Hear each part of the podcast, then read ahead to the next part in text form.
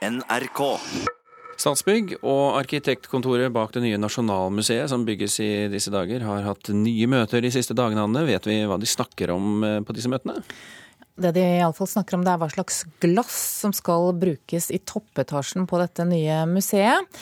Budsjettet sprekker dersom arkitekten får bruke det glasset han foretrekker, og kulturministeren stiller ikke opp med ekstra penger nå.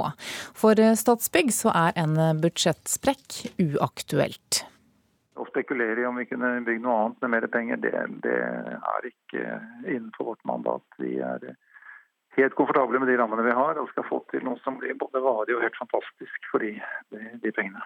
Steinar Støre er prosjektleder i Statsbygg for det nye Nasjonalmuseet som reiser seg mellom Rådhuset og Aker Brygge i Oslo. Striden står om glassfasaden på den såkalte Alabasthallen, den avlange toppen på museet som skal lyse i mørket. Arkitekt Klaus Sjoverk vil ha en type keramisk glass for å få det rette utseendet, mens Statsbygg nå satser på vanlig industrielt glass med mønster i. NRK møtte Sjoverk inne i Alabasthallen under hans siste Oslo-besøk i helgen. Han har fortsatt ikke gitt opp å få lov til å bruke keramisk glass. I still have hope that we will get this solution.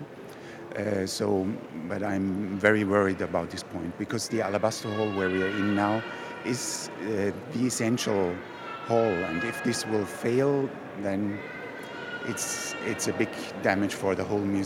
Hvis ikke uttrykket på alabasthallen blir som han har sett for seg, vil det ødelegge uttrykket for hele museet, sier Sjoverk. Keramisk glass har vært testet og besto ikke testene.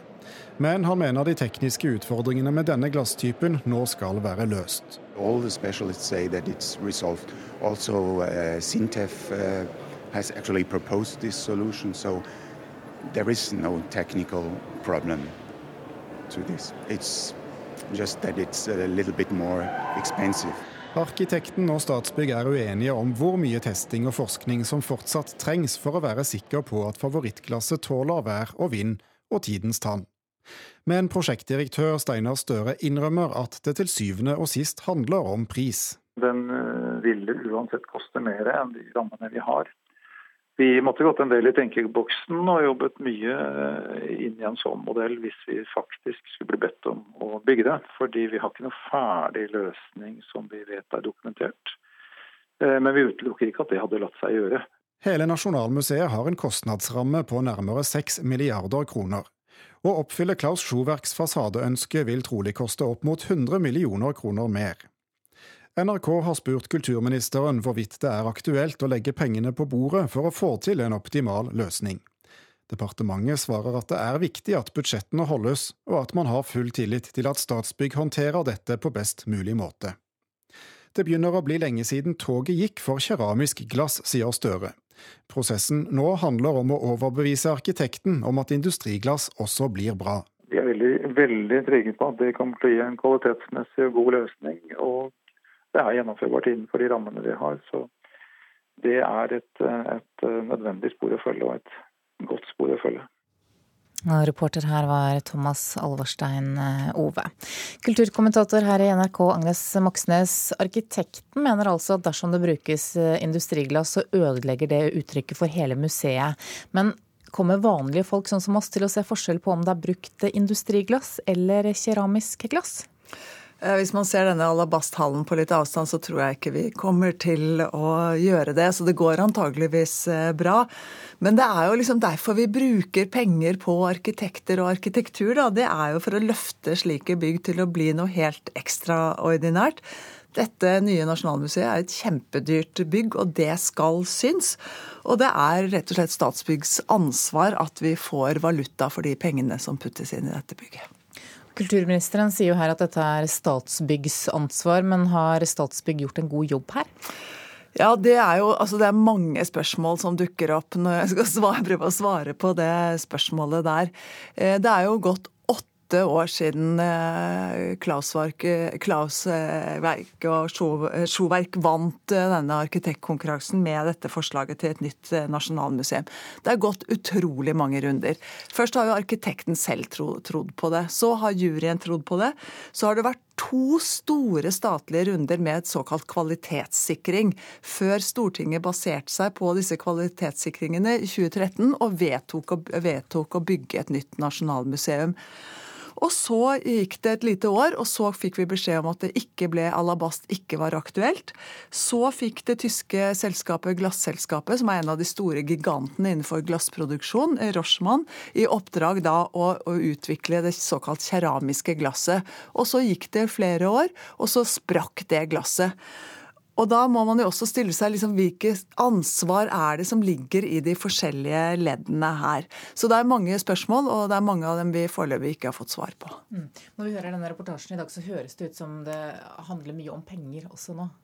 Ja, det handler om penger, men det handler også om tid. For at, altså, om ett år så skal Kulturdepartementet Det er jo formelt så er det jo Statsbygg som fortsatt har ansvar for dette bygget.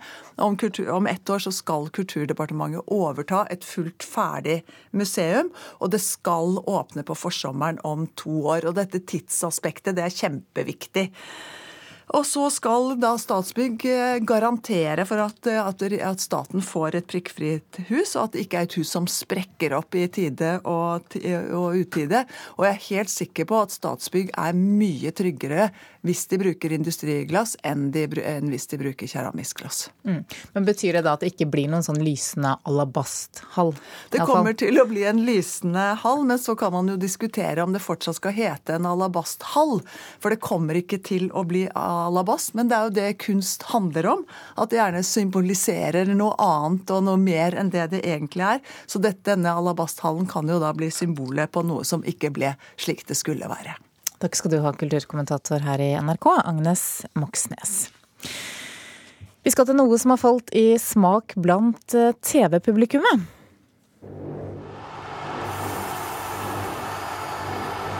Nå skal han ha Robert eh, Johansson skuer ut over eh, vakre Vikersund. 252 meter! Dette er den eh, fra den norske hoppturneringen Raw Air som har grunn til å glede seg over oppslutningen blant eh, TV-seerne, kulturreporter Kaja Marie Andreassen. Ja, det er formidable tall for Raw Air. Drøyt 86 millioner seere fikk med seg Raw Air sist vinter. Eh, Raw Air, eller den norske hoppuka, består av 16 skihopp på ti dager i fire hoppbakker i Norge. Den første utgaven ble avholdt i mars 2017 og er en del av verdenscupen i skihopping. Og det er suksess i seertallene også for kvinnehopp? Ja, kvinneløftet med Lillehammer-trippelen fenget også seere. 8,8 millioner seere fulgte tredagsturneringen. Og kvinnerennet i Holmenkollen i mars ble sett av drøyt 3 millioner seere. Hoppsjef Claes Brede Bråten sier til NTB at jentene er på full fart opp og frem, og det gleder han seg stort over. Det er kanskje her den største utviklingsmuligheten i internasjonal hoppsport ligger. Og nå kommer jentene også inn i Raw Air, og det skal bli dynamitt, sier han. Vi skal videre til Kina. Der skjer det helt andre saker i dag. I dag starter Hundekjøttfestivalen eh, i Kina. Ja, og det skaper faktisk overskrifter verden over. Ja, Det er ikke alle som er like begeistret for festivalen der rundt 10 000 hunder blir slaktet. Eh, flere dyrevernsorganisasjoner har gått sammen om en underskriftskampanje på change.org. Eh, og dyrevernorganisasjonen eh, Humane Society International hevder at mange av dyrene som blir slaktet, er løshunder som er fanget, eller hunder som blir stjålet fra bakgårder. De blir angivelig stengt inn i trange bur Eh, og kjørt i timevis eller dagevis eh, før de kommer til slakterhuset hvor de blir drept, ofte blir slått i hjel, skriver VG. Men likevel så blir altså denne festivalen arrangert for niende år eh, på rad. Det betyr vel også at den er populær? Ja, det Independent skriver at hundekjøtt ifølge kinesisk folketro eh, bringer lykke og god helse i sommermånedene. Derfor så arrangeres den hvert år under solvær. Deltakerne strømmer til den kinesiske byen Yulin for å spise hundekjøtt med litchibær og spritel. Takk skal du ha, kulturreporter Kaja Marie Andreassen.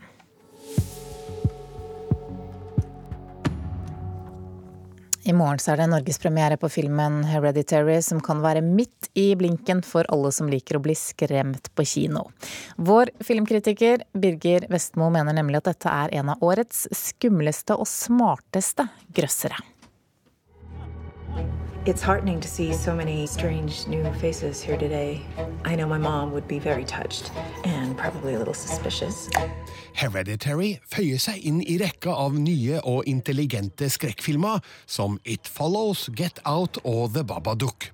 Heller ikke her handler det om enkel skremselstaktikk, men om å føre publikum gradvis dypere ned i galskapen, med flere foruroligende tegn, ubehagelige antydninger og illevarslende indikasjoner, før handlinga bryter ut i demonisk dramatikk av ypperlig slag.